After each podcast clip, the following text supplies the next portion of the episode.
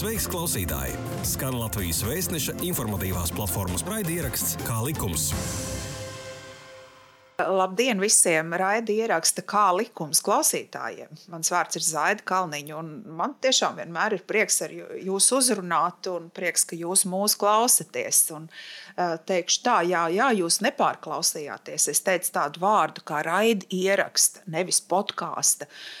Mūsu valodnieki ir nākuši klajā ar šo, manuprāt, interesanto vārdu un uh, ieteikuši vārdu podkāsts aizstāt ar raidierakstu. Tā kā pierodam, lietojam, es ceru, ka viņš ieiesies un, un nebūs pretenzija mums pret šo latviešu jaunvārdu. Bet nu, uh, ar skubu ķeramies pie mūsu šodienas sarunas tēmas. Uh, Un tā būs visnotaļ interesanti. Novembra sākumā Covid fonā satversmes tiesa nāca klajā ar spriedumu, kas mūsu jau tā, var teikt, neviendabīgo sabiedrību ideoloģiski atkal krietni vien polarizēja.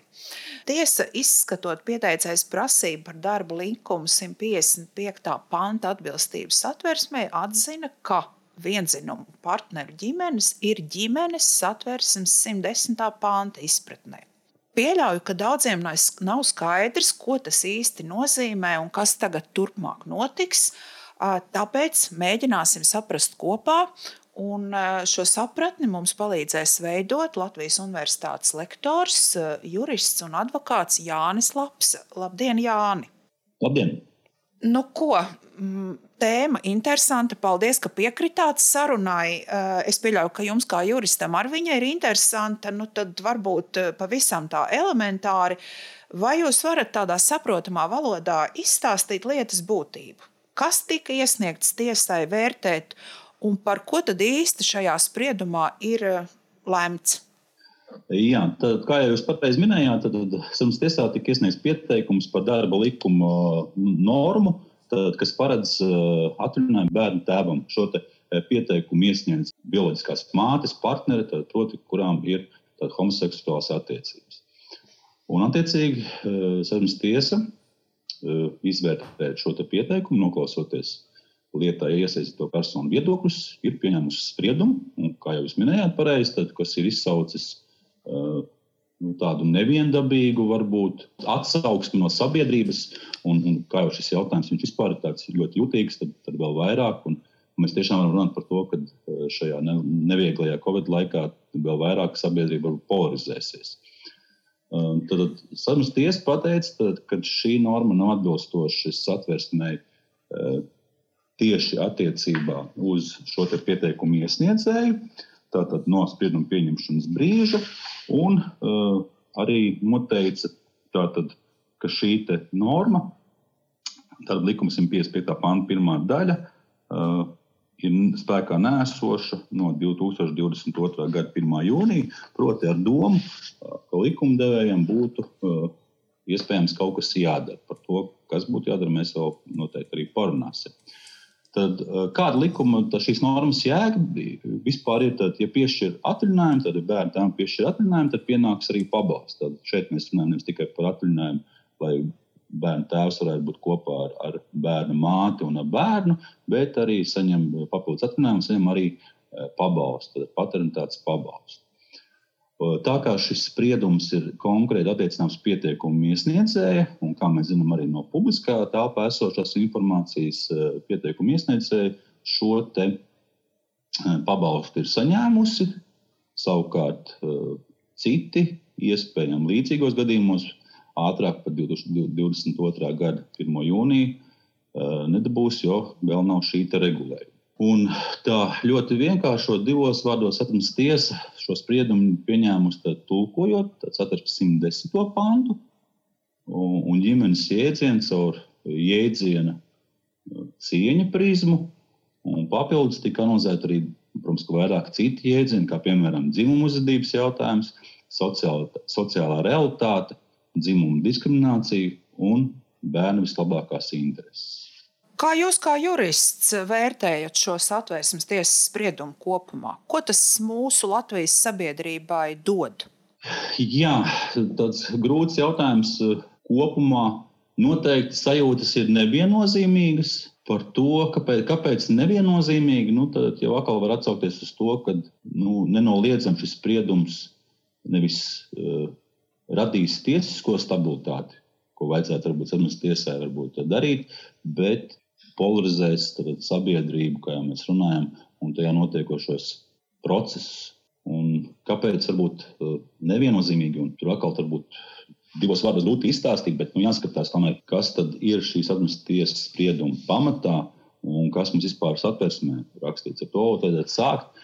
Un tad sarunas preambula mums teica, ka satversme, kā ir izveidota, kā viņu pieņemt, pamatojas latvisko dzīves tradīcijām un kristīgajām vērtībām. Un vēl varētu arī teikt, ka laulības un ģimenes e, jēdziens tad, tad, e, ir noteikts arī, protams, arī civil likumā. Un, manuprāt, kāpēc arī vēl neviennozīmīgi, ka šeit būtu jānodala šis jēdziens ģimene no jēdziena ģimeniskās attiecības. Sarunas tiesa uh, norāda, kā jau minēju, tas jēdziens, sociālā realitāte. Un te uzreiz dodas, rodas jautājums, vai jebkura sociāla realitāte ir jāaizsargā. Uh, nav jau šaubu par to, ka sabiedrībā ir šīs vienzimuma attiecības, Un arī no šīs pirmā īstenībā nav skaidrs, vai tikai šīs vienzimuma attiecības būtu jāaizsargā, vai arī kādas citas, varbūt ģimeniskās attiecības, ja tās ir sociāla realitāte. Visbeidzot, laikam, nu, nav īsti skaidrs, kaut arī analizējot šo administratīvas spriedumu, nav skaidrs, vai mācību partneri vienmēr ir tēvs. Jo ļoti interesanti, ka sarunas tiesa savā spriedumā norāda uh, uz šo tiesību normu interpretācijas metodēm un tieši par darba likumu 155. pāntu, kas ir apspriests atmiņas tiesā, norāda par to, kāds ir šis mērķis un teoloģiskā interpretācijas metode tad, norāda uz to, ka ir mērķis tēvam būt kopā ar bērnu. Un pēc būtības tā ļoti vienkārši varētu secināt, ka sarunas tiesa lēmusi par jautājumu, kuram nav regulējuma. Proti, kā... es atvainojos, proti, vai, vai tas, kā, sekojot jūsu domai, sanāk, ka, vai ir domāts, ka jāpaplašina ir šis tēva jēdziens, varbūt saistībā ar šo darba likumu 155. pantu, nu, tā, loģiski domājot, vai arī es domāju nepareizi. Nu, īsti neteikšu, ka tēva jēdziens, bet tad, tad sarunas tiesa savus spriedumu paplašinās šo ģimenes jēdzienu, kas ir noteikts mūsu normatīvajos aktos. Un, kā jau saku, viņi mēģinājusi tad, tad, manā ieskatā aizpildīt likuma robu, kas ir likumdevēja. Tad, attiecīgi, vai nu saimnes vai tautas kompetence. Bet, nu, grūti pateikt, vai tas ir atbilstoši sarunas tiesas kompetencijai. Respektīvi, ir ir rezultātīvā daļa sarunas tiesas spriedumam, un, arī, protams, ir šī motīva daļa. Un skaidrs, ka rezultātīvā daļa ir obligāta visiem, bet tajā pašā laikā nevar noignorēt arī šo motīvu daļu. Un no vienas puses, sarunas tiesa secina, ka, ka nevar uzlikt valstī par pienākumu. Šī sistēmas izveide ir tiesība politiska izšķiršanās. Tajā pašā laikā nu, uzliek tomēr par pienākumu likumdevēju izveidot tiesību aizsardzības šo sistēmu, lai tiktu arī aizsargātas šīs attiecības un e, šīs ģimenes attiecības, ne tikai laulībā radušās, kas ir radniecības saitē. Jūs klausoties, man rodas jautājums, kā jums šķiet, vai šis ir vairāk ideoloģijas vai jurisprudences jautājums, šis satversmes tiesas spriedums, vai arī abi divi? Kā lai jums labāk pateiks? Kāds ir jūsu sajūta? Satversmes tiesas tiesneši tad, tad Mēs uzskatām, ka tie ir augstākās raudzes juristi. Pamatā arī Latvijas Universitātes mācību spēku, arī mani kolēģi, vairāk mazāk viņus pazīstu. Un varbūt arī zinu, kāda ir šīs domas un uzskatus. Bet pateikt, ka satversmes tiesa ir spriedusi ideoloģiski, laikam es tā neteiktu. Es tomēr uzskatīju, ka satversmes tiesa tomēr risina šos juridiskos jautājumus. Bet kopumā šis jautājums, protams, nav tikai jurisprudence, viņš ir ideoloģisks jautājums. To mēs redzam, kas notiek pēc šīs tiesas sprieduma pieņemšanas, pasludināšanas. Cik ļoti mēs runājam par tādu sabiedrību polarizējas un kādi ir šie viedokļi šajā publiskajā telpā. Viņi ir ļoti agresīvi, ja tiek izmantot šis ad hominem. Apmēram, ja tu, ja tu netici vai nepiekrīti sarunas tiesas spriedumam, tad, tad, tu, tad tu esi muļķis. Ja? Daži saka, ka vispār sarunas tiesas spriedumu nevar kritizēt. Savukārt, otrs, tas konservatīvais flanks, atkal saka, ka ir sagrauts ģimeniskās vērtības, un, un tagad vairs nebūs tā kā agrāk. Tas, kas, kas pēc sarunas tiesas sprieduma vairs nebūs tā kā agrāk, tas ir principā ar katru satversmes tiesas spriedumu, kad kāda norma tiek atzīta par neatbilstošu satversmi. Par to ideoloģisko nu, grūti pateikt. Tad, tad institīvas par vienzimumu attiecībām Tad ir bijuši pietiekami eh, daudz, gan 11. gan 12. sēmā, un arī pašreizējā sēmā ir bijušas pat divas institīvas.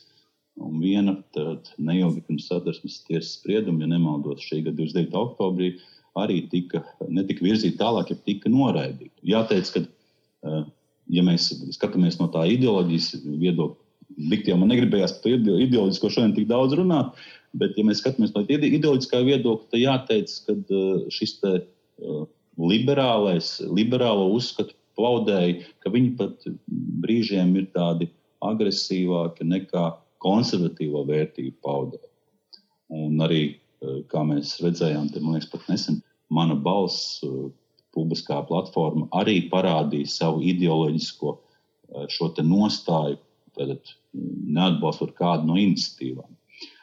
Arī pēc sarunas tiesas sprieduma, arī jurista vārdā eh, bija numurā, tātad bija četri viedokļi. Protams, eh, visus viņus esmu lasījis un analizējis, un uzvārdus nesaucot, es teiktu, ka, manuprāt, tikai vienu no šiem viedokļiem es varētu uzskatīt par tādu juridisku, un pārējie tomēr vairāk mazāk saistīti ar ideoloģiskiem apsvērumiem. Protams, kas arī nav slikti, un arī tas ir normāli, ka jurista vārds Un tas pat labi, ka publicē šādus rakstus, jo par to mums noteikti ir jārunā, vēl būs ilgi jārunā. Iesim, iesim par tām konsekvencēm. Varbūt tiešām liksim mieru tai ideoloģijai, skaidrs, ka viņa, Jā. Tas ir sākums, lai būtu kaut kādas konsekvences. Bet nu, kas no tā tagad tālāk, kādas tad izriet konsekvences? Kas faktiski notiks tālāk, jūsuprāt, ja runā par likumdošanu? Nu, vēl mazliet arī par sarunas tiesas spriedumu, un kā, kā es minēju, tad šī norma tiek atzīta par neatbilstošu no 2022. gada 1. jūnija. Tad ar domu, ka ir kaut kāds bijis vajadzīgs laiks, tad mēs redzam, tas ir pusotrs gads, kad eh, likumdevējiem ir jāveic kaut kādi grozījumi. Nu, par to mēs varam diskutēt, kādi grozījumi, bet kaut kas būtu jādara. Tajā pašā laikā Un to gan ir norādījuši arī spriedumā pieaicinātās personas, eh, gan arī pati sarunas tiesa, kad ir tomēr Eiropas parlamenta un padomas direktīva 2019.1158, kur attiecīgi ir jāievieš līdz 2022. gada 2. augustam. Tad ir, ir dots ilgāks laiks, ja tad sarunas spriedumā 1. jūnijas un 22. augusts. Kāpēc atšķirība? Eh, nu, grūti arī pateikt par to, kas notiks tālāk, nu, nav jau nevienam šaubas par to, ka satversmes tiesas spriedums ir galīgs. Tas ir stājies spēkā un, un tas ir obligāts visiem. Kas būs jādara likumdevējam? Nu, es varbūt iezīmēšu vairākus uh, scenārijus, un uh, tur tiešām varētu būt vairākas iespējas. Nu, tie būs varbūt arī tādi krasi, pretēji diametrāli, bet es domāju, Eh, savu viedokli tomēr pateikt. Nu, viens ir, protams, ka neko nedarīt. Neko nedarīt, tad šī norma zaudēs spēku, un visticamāk, tad neviens eh, tēvs eh, nevarēs saņemt šo, šo atvaļinājumu, attiecīgi paternitātes pabalstu. Bet, kā jau saku, tas nav viss tik vienkārši. Un, protams, arī saimnes tiesa savā spriedumā ir analizējusi šo te kādā veidā. Tad, tad, kas notiek Eiropas Savienības tiesībās, tāpat arī minēju šo direktīvu, un skaidrs, ka kaut kas ir jāievieš. Tajā pašā laikā Tātad eh, gan konvencija, gan Eiropas cilvēktiesību tiesas spriedumi, gan arī šī direktīva noteica par to, kas ir laulība un ģimene. Par to tomēr lemj katrs, katrs valsts tātad likuma devējs. Un eh, tad pirmais šis variants, ka neko nedarīt, un es domāju, ka tā nenotiks, jo šis arī nav tāds pirmais spriedums uh, saistībā par ģimenes jautājumiem. Tātad arī pavisam nesen satversmes tiesa arī lietā 2019.01.01 arī skatīja līdzīgus jautājumus. Arī pirms tam arī norādīja šo ideju, ka satversmē minētais ģimenes jēdziens ir plašāk interpretējams. Līdz ar to nedomāju, ka, ka, ka vispār nekas nenotiks. Otrs variants, ka jāgroza likumi minimālā apjomā. Tātad attiecībā tikai par darbu likumu. Nu, šāds scenārijs arī diez vai tāds būs iespējams, jo tomēr no satversmes tiesas, kā jau saku, tās sniegtās informācijas izriet, ka jānodrošina šis ģimenes sociālo-ekonomisko tiesību aizsardzība, bet plašākā apmērā. Atkal, vai tas būtu maksimālais, ka pilnīgi viss tiktu mainīts, arī domāju, ka tas arī nenotiksies.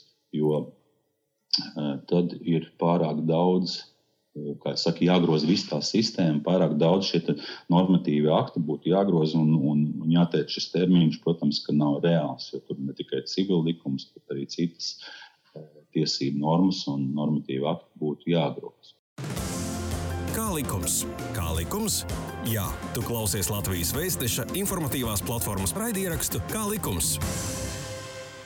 Cik lielā mērā tas skar satversmē 5. gadā nogalē pieņemtos grozījumus tajā pašā 110. pantā, kurā ir noteikts, ka valsts aizsargā un atbalsta laulību savienību starp vīrieti un sievieti, ģimeni, vecāku un bērnu tiesības. Eh, ja runā eh, saistībā ar šo ģimenes jēdzienu paplašinājumu. Vai tas skars vai nē, kā jums šķiet? Kā jau teicu, šo 110. pāntu jau ir skāruši arī satversmes tiesas iepriekšējie spriedumi, tā, ko es jau pieminēju, un arī daži vēl citi. Mm, es nedomāju, protams, ka eh, saima kā likumdevējs atvēsēsies līdzīgi, kā mēs tikko dzirdējām Ungārijā, kur tika arī grozīta konstitūcija un tika iestrādāta vēl, vēl stingrāk šie jēdzieni. Es to nedomāju, jo mūsu valsts tomēr balstās mazliet, es teiktu, uz tiesiskākas valsts principiem, bet eh, teikt, ka satversmi nevar grozīt, es domāju, tas būtu priekšlaicīgi, tad to var darīt likumdevējs, proti, vai nu saima vai arī tauta. Tas, ka šo, šī saima to, izdarī, to neizdarīs, tas visticamāk tā ir, jo, kā es saku, nu, nebūs noteikti viņiem ne šie kvalitatīvie, ne kvantitatīvie rādītāji, lai to izdarītu. Vai tādā gadījumā runa varētu būt ka kaut kādā, kādā no citiem likumiem, tajā pašā civil likumā, nezinu, ģimenes tiesībās, eh, eh, jālaužas iekšā un jāmēģina kaut kādā veidā regulēt šo vienzimumu partneru ģimenisko attiecību tiesiskās nianses vai kā? Nu, noteikti jau būs jau kaut kas jādara. Un, un es gribu pateikt, ka pašlaik arī uh, satversmes tiesā izskatīšanā ir lieta, tātad, kas saistās ar valsts nodevām saistībā ar īpašumtiesību pārēju, kur iesniedz pieteikumu tiesību sargs. Un, uh, tur arī viņš norāda, ka ir tieši diskriminējoši attiecībā uz vienzimumu attiecībām, un ņemot vērā šo sarunas tiesību, par ko mēs runājam, uh, jāpieļauj, ka arī iespējams, ka arī tur, šajā jaunajā lietā, arī būs līdzīgas secinājumi. Man grūti pateikt, kā, kā vispār saimē to, to darīt, jo satversmes tiesa arī nepasaka, kā to darīt. Un arī, arī nav dzirdēts, ka saimā pašlaik kāds ļoti e, aktīvi ķertos pie šī jautājuma izstrādes. Jo šie jautājumi jau nav tik viennozīmīgi. Pirmkārt, jau šis samestiesas spriedums tomēr bija ar tēva jēdzienu saistīts. Otrs, kad, eh, ja, piemēram, bioloģiskai mātei, tad viņa dzīvo vienzimuma attiecībās, tad ir partneri, kura atbalsta viņu, ka viņai būtu uh, jāsaņem šis pabalsts. Tādā ziņā varbūt arī varētu piekrist, ka atbalsta personai būtu uh, arī kādas tiesības saņemt gan pabalstu, gan šo atrunājumu, lai rīkotos atbilstoši, kā mēs te runājam, vislabākajās bērnu interesēs ka jautājums vienkārši cik to plaši un vai civil likumu grozīs, vai tas būs kaut kāds reģistrs, to jau īsti neviens nezina un tādas atbildes nav. Jo tomēr, kā jau minēju par to pašu direktīvu, ko es pieminēju, tur ir minēti dažādi pabalsti un tās, tās idejas. Ir paternitātes pabalsts, maternitātes pabalsts, vecāku atbalsts. Un, ja mēs šo, šeit runājam, tad, eh, kad ir strīds par darba likumu attiecībā uz tēvu un no tā izvetošā paternitātes pabalsta saņemšanu. Šeit tas gadījums bija tā, ka bija divas sievietes. Viena ir māte, bioloģiskā, otra ir partneri. Bet kas notiks, ja, piemēram, būs situācija, ja vienzimuma attiecībās tad kopā būs šī savienība starp diviem vīriešiem? Ja mēs varam uzdot retoriskus jautājumus, vai kāds no viņiem varēs saņemt paternitātes pabalstu un kāds varēs saņemt maternitātes pabalstu. Turklāt vēl jāskatās, ka eh, šīs visas ģimenes tiesības vēl saistītas ar mantojuma tiesībām. Kā jau saku, tas nebūs viss tik vienkārši uh, saimai to izdarīt, it sevišķi līdz tam 2022. gada 1. jūnijam. Bet nu, laiks ir, ķersies klāt, varbūt nezinu, kā tas ir iespējams, vai, vai, vai pastāv iespēja to termiņu pagarināt arī pēc šī 22. gada 1. jūnija. Nu, iesākts ir, bet nepabeigts. Kāda ir praksa parasti? Ne, nu, skaidrs, ka sarunas tiesas spriedums ir jāizpild. Nevienmēr ar to izpildu veicās. Ir arī kaut kādas pat vairākas uh, lietas par vienu to pašu, teiksim, par to pašu piespiedu nomu, kur sarunas tiesa izskata pieteikumu atzīst par non-perspēkā nēsošu. Un, un tad, attiecīgi, kaut ko saima izdara grozījums. Nu, tādus it kā kvazi grozījumus, un beigās tāpat tās nonāk lieta otrais un trešoreiz satversmes tiesā. Arī šeit tad, nu, viens ir tas, ka vai izpildīs vai neizpildīs līdz šim noteiktām satversmes tiesas noteiktiem termiņam, otrs jau, eh, kad negaidot šo termiņu, eh, jau ir acīm redzami, ka ņemot vērā satversmes tiesas šo interpretāciju un secinājumus, būs jaunas lietas eh, satversmes tiesā kur būs šie dažādie ģimenes jēdzienu interpretācijas un dažādi šie gadījumi, kad tad eh, var būt eh, šīs vienzimuma attiecības tiek it kā diskriminētas. Kas pēc juridiskā tvēruma ģi, ir ģimene Latvijā? Man klausoties visu to, rodas šāds jautājums. Nu, kā, kā to saprast arī saistībā ar, ar šo, šo konkrēto spriedumu, ka ģimene ir sociāla institūcija, kas balstās sociālajā realitātē, konstatētajām ciešām personiskām saitēm, kuru pamatā ir sapratne un cieņa civil likumā Jā. nekā tādu mēs eh, varbūt eh, tā tieši neredzam. Varbūt tas ir, bet kā, kādas ir jūsu sajūtas vispār par to, kas nesajūtas, te jau tiešām jūsu zināšanas kā juristi, kas ir ģimene pēc juridiskā tvēruma Latvijā? Nu, tad, ja mēs skatāmies, kas ir ģimene tīri no civila likuma, tad skaidrs, ka ģimene tad, tā ir balstīta pamatā tomēr uz laulību. Tad, tad vīrietis, sieviete, Tātad rodas ģimene un, attiecīgi, arī, arī bērni. Tātad ir šī ģimene. Protams, tas neizslēdz arī tālāku šo radniecības saiti. Tad, tad vecāki, brāļi, māsas un, un citi radinieki, kas arī var būt ģimenes šajā tvērumā. Arī satversmē, 110. pantā, nu, tur ir stāsts par to interpretāciju, kā to ielasīt. Ja, kas ir noteikts 110. pantā, ka, tā, ka laulība ir Un, un ko tas atversme aizsargā? Viņa aizsargā šo savienību starp vīrieti un sievieti, seko komandas ģimeni. Un te ir tas, šis tas strīds par to interpretāciju, vai tikai ģimene tā, kas izriet no, no laulības saitēm, vai arī cita veida, vienkārši no kopā dzīvošanas. Un arī sarunas tiesa arī savā spriedumā arī norāda arī šo statistikas datus, cik daudz tomēr ja, dzīvo nereģistrētās attiecībās. Tātad, tie paši heteroseksuālie pāri un cik daudz bērnu tur dzimst, tad pietiekami daudz dzimst. Un skaidrs, ka tas ģimenes eh, tvērums, ka viņš, nu, viņš nevarētu būt tik šaurs tikai tā, kā ierakstīts ir uh, civil likumā, ja nemaldos 214. pantā. Protams, ka šis tvērums ir plašāks. Jautājums, uh, cik turpmāk, kā to atrisināt, un vai tas tiešām būs tikai uz šīm vienzimumu attiecībām, vai tas būs eh, cita veida ģimeniskās attiecības. Kā vajadzētu? Jā, nu, visticamāk, ka vajadzētu. Tad, tas, ko jūs sakat par to, par to sociālo realitāti, arī par to, kā, kā, kā tiek interpretēts šis ģimenes jēdziens. Jautājums, cik plaši, nu, tas likumdevējiem nebūs uh, viegls jautājums. Nav jau tā, ka arī tikai, kā jau saku, civilikumā ir minēts teiksim, šis 214. pāns un, un citas normas, tad, kas ir ģimene. Tas ir, protams, ģimene tas ir šaurākais jēdziens. Tajā pašā laikā uh, arī, piemēram, krimināla tiesībās, un arī tiesai to norāda, krimināla tiesībās ir tāds jēdziens tuvinieki. Tur gan arī, protams, ir pretruns arī pašā krimināla procesā, tur, vai stāsts par to, kam ir tiesības, piemēram, lieciniekiem neliecināt par tuviniekiem. Tur arī ir šīs ir tiek nodrošināta arī vienzimuma attiecībās un arī nereģistrētā laulībā, tātad heteroseksuālas attiecības. Savukārt, piemēram, par cietušajiem saņem kompensāciju, ja cietušais teiksim, ir miris, tad, tad tur attiecīgi tie tuvinieki ir atkal šaurāks, tad tur ir tiešām tikai uz to radniecību balstīti. Kā teikt, ka pašlaik netiek risināts šis jautājums, viņš kaut kādā veidā jau tiek risināts, un ģimenes tvērums neapšaubām ir plašāks. Jautājums tikai tāds, vai, vai to vajag papildus satversmē nostiprināt, vai uh, mums jāaiziet tikai no satversmes tiesas spriedumu, nevis viena sprieduma, bet spriedumu atziņām, un jāveido kāda šī sistēma. Jo satversmes tiesas uzstādījums ir nepārprotams, ka vajag veidot sistēmu. Tad vai satversmes tiesa to var pateikt likumdevējiem, vai arī īsti to nevar, ka tomēr to risina likumdevējs. Un, kā teicat, tad arī no Eiropas Savienības tiesību konteksta izriet, ka katra valsts pati nosaka, kas tad būs laulība un ģimene.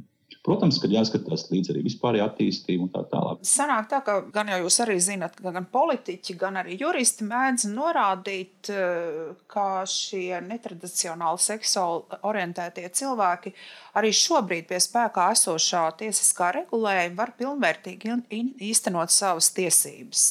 Bet jautājums ir tāds, kā tad ir? Ko viņi var un ko faktiski drīzāk ko nevar. Kāpēc ir šāds spiediens, ka vajag viņiem īpašu regulējumu, ko tad viņi nevar? Un kāpēc tad saka, ka var? Nu, ja mēs runājam par kaut kādām civiltiesību lietām, tad, ja mēs runājam par kaut kādām saistību tiesībām un arī, arī par, par nedaudz citām, par pacientu tiesībām un par nākotnes pilnvarojumu, tad ir daudz lietas, ko var arī tāpatās šie te homoseksuālie pāri. Uh, bet nevar šīs lietas, kas mm, izriet no laulības un, un no tā radniecības tvēruma. Tad no radniecības tvēruma nevar. Tad, kā es jau teicu, arī sanas tiesā pašlaik pieteikums ir par valsts nodevām, kad arī tur viņi it kā tiek diskriminēti. Skaidrs, ka nevar. Nu, vienlīdzīgas tiesības viņiem nav. Par to, ko var, ko nevar. Es domāju, ka tur ir diezgan plaši jau publiski izteikušies. Ja atceramies, arī Tieslietu ministrija kaut kādu gadu atpakaļ. Arī iepriekšējais tieslietu ministrs eh, Rasničs arī tad, tad bija paudis to viedokli un pat bija, bija analizēts, kādas lietas var, var sakārtot. Protams, ka pilnībā identiskas tiesības uh, nav šīm personām, kas vienzimuma attiecībās. Un, uh, to, vai viņiem vajag pilnīgi identisks, tas ir likumdevēja kompetence. Pirmīt, eh, jūs runājāt par, par to, kā par satvērsmes tiesas kompetenci, vai es pareizi saklausīju, vai es pareizi saprotu, ka eh, vai jūsuprāt eh, šis satvērsmes tiesas spriedums jau ir tāds, kas iejaucas varas dalīšanas principos? Nu, kā... Jā, nu, pārmest satvērsmes tiesai, kad, kad, kad tā Eh, iejaucas varas dalīšana principā, protams, ir varbūt nepopulāri. Bet tas, man liekas, ko es šodien teicu šajā intervijā, man liekas, tas liecina par to, ka uh, katram ir jādara uh, savs darbs. Tad, uh, protams, ka sarunas tiesa, varētu teikt, vislabāk spēj interpretēt uh, satversmi. Bet, kā jau saku, satversmes tiesa tā kompetence ir atzīt kādu tiesību normu par spēkā nēsošu pretēji satversmei. Bet, kā mēs runājam, tad satversmes tiesa pateikusi, ka jāveido sistēma. Restīvi satversmes tiesa uh, nevar atzīt par spēkā nesošu normu, kur vienkārši nav pieņemta, kuras nav un likt likumdevējiem tā kā, tā kā pieņemt. Tas, tā ir tā lielākā varbūt, problēma. Un, un, un tad iznāk tā, ka tiesas spriedums, ņemot vērā, ka šis spriedums ir saistošs ar interpretāciju, likumdevējiem nu, ir jāpakļaujas un, un ir jāveido šī sistēma tad mums tiesai nebūtu jānorāda, kas jādara likumdevēji. Būtu ierodas, ka jāvērš uzmanība, un to jau arī dara. To, man liekas, vismaz tiesas priekšētāja Osakovs kundze arī pietiekamā arī stāstīja arī par to. Un, protams, ir vēl stāstīja arī par metodoloģijām, ko viņi piemēro. Katrā lietā tur ir tas savādāks, un arī par 110. pantu arī eh, runājot sadarbības 110. pantu. Eh, izskatītās lietās arī tā metodoloģija arī var atšķirties. Un uh, arī citos spriedumos, arī, uh, kad kaut kas nav, samstiesi norādījusi, ka, kad tā kā nav, tad nav iespējams vērtēt pamatiesību ierobežojumus. Un, kad ja kaut kas nav, tad tā ir tad likumdevēja, ja, kā mēs sakām, tiesību politiski izšķiršanās par kaut kādu jautājumu, vajag to vai nevajag. Protams, ka tiesībām jābūt līdzsvarotām. Protams, ir šie te, uh, atslēgas vārdi, tad, cieņa, sociāla realitāte. Bet, manuprāt, šis ir likumdevēja jautājums. To jau var apstiprināt arī iepriekš man pieminētie arī starptautiskie tiesību akti. Jā, iespējams, mūsu valstī nav tāda nu, tādas institūcijas, ja tā varētu teikt, kas varētu satvērsmes tiesas vietā norādīt uz šo iztrūkumu. Kā jūs teicāt, ka tiesa ir norādījusi uh, veidot sistēmu, jā, uh, faktiski uh, regulē, neesošu regulējumu, kurš neatbilst satversmei. Jā, kaut kā varbūt samākslot man sanāca pateikt, bet doma ir skaidra. Iespējams, tas ir bijis tas galvenais mesiķis no satversmes tiesas. Es, varbūt, jā, es varētu teikt, ka tieši tā, ka manuprāt, zemes tiesa piegājusi novatoriski, jo viņi jau to, to mēsīģi jau ir citos spriedumos jau devusi. Un varbūt, kad Tieši ja likumdevējs nav sapratis, nav sapratis, tad varbūt ir šāds spriedums, kāds viņš ir. Kādai tad būtu jābūt šai nu, loģiskai lietu kārtībai, jūsuprāt? Manuprāt, ir laik, laikam jāiet, ir, kā jau saku, tad likumdevējs kāds kas likumdevējs, likumdevējs tad ir mūsu tautas izvirzītie priekšstāvi. Un, ja iepriekšējā saimnes un arī pašreizējā saima noraidīja šo iniciatīvu vai priekšlikumu par vienzimumu partneru tad, attiecību legalizāciju, vienalga, vai tas būtu dzīves biedri vai, vai kādā citādā formātā, tad nav jau šaubu, ka, kad attīstoties un mainoties arī teiksim, sabiedrībai, nākamā saimā iespējams tiktu ievēlēti varbūt arī e, citi E, priekšstāvi, kuri pieņemtu attiecīgas grozījumus. Likumdevējs izpildīja šo tautas gribu un varbūt arī šo satversmes tiesas šos uzstādījumus. Jā, ne, jā, liels paldies. Mēs varētu droši vien turpināt vēl kaut kādu pusotru stundu šī, šo tēmu, un viņi būtu gan populāri, bet laiks ir iztecējis. Un, un interesants ir jūsu domas, un arī ļoti jauki, ka tās drosmīgi pateicāt ko lai saka, šajā laikā būsim veseli miesā un garā un sekosim likumdošanas procesiem un arī atļausimies vērtēt tos rezultātus. Varbūt pašā nobeigumā pateikt, ka e, izskanējuši viedokļi, kas atzīst tiesas spriedumu, nevar kritizēt. Ne, tieši otrādi viņu vajag kritizēt, tikai, protams, tam jābūt. Ir, ir jābūt pietiekami izsvērtam un jābūt argumentētam. Nevar vienkārši kliegt, ka, ka kāds ir muļķis un tam līdzīgi. Bet kurš to var darīt? To var darīt jebkurš cilvēks. Protams, ja mēs runājam par sarežģītākiem jautājumiem, ko mēs šodien varam par to kompetenci, par likumdevēju, par sadarbības tiesu, kādam, kuram par šīm augstākām tiesību normām, par, par vispāriem tiesību principiem, par šo ģimenes tvērumu. Protams, ka to jādara juristiem. Es nedomāju, ka tikai konsultāru tiesību juristiem reizēm viņi tikai saka, ka viņi vienīgie spēj kritizēt. Nē, to var darīt arī citi juristi. Arī es pats esmu kritizējis administratīvas spriedumu, un savu laiku es kritizēju administratīvas spriedumu, un tas arī kaut kāds pienesums tālākā tiesību attīstībā. Satversmes tiesas spriedumi, jā, protams, nav pārsūdzami, un, ja tā varētu teikt, arī tajos var būt pat nezinu, vai to nosaukt par kļūdām, taču var būt nu, atšķirīgs skatījums. Ja, tāpēc šī kritika neapšaubām tas ir virzītājs spēks. Es vēlētos laikam atvedīties šoreiz, un, un tomēr gribu citēt eh, šīs pieteicējs, konkrētā pieteikuma pieteicējs pārstāvis atvērsmes tiesā advokātu, kurš komentējot spriedumu žurnālam juristu vārdu citu starp atzina Es esmu pārliecināts, ka sprieduma rezultātā Latvijas sabiedrība kļūs iekļaujošāka, arvien efektīvāk savā ikdienā iedzīvinot cilvēku cieņas principu kā principu, kas nosaka, ka ne tikai valsts pienākums attiecībā pret cilvēkiem, bet arī cilvēku savstarpējās attiecībās. Nu jā, neatkarīgi no pārmaiņām, kas mūs sagaida šajā mm, tēmā, uh, tās nekad nav līdz galam izdomājamas, un mums ar šobrīd varbūt nav daudz kas skaidrs. Eh, taču cieņas, manuprāt, mums bieži pietrūks ne tikai šajā jautājumā. Un tāpēc mēs droši vien viens otram varam vēlēt, lai tās būtu arvien vairāk. Un tas padarīs mūs labākus. Paldies, Jāni! Paldies, arī jums! Paldies, klausījāties un uz tikšanos citkārt, kā likums raidierakstos. Šī bija iknedēļas pusstunda kopā ar oficiālā izdevēja Latvijas vēstneses informatīvās platformas raidierakstu Kā likums. Pastāsti citiem, ja bija noderīgi un interesanti. Kā likums, tiekamies ik trešdienu!